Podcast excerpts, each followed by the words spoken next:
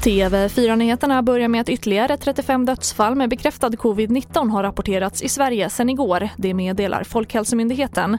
Och därmed har totalt 13 146 smittade avlidit i landet. Och fem personer har fått föras till sjukhus efter en allvarlig lastbilsolycka i Nora tidigare idag. Enligt polisen ska lastbilen ha fått sladd och kommit över på fel sida av vägen och sen krockat med två personbilar. Lastbilschauffören har gripits misstänkt för vårdslöshet i trafik. Och idag har det hållits krismöte på den myndighet där toppjuristen i 70-årsåldern som häktades misstänkt för våldtäkt arbetar.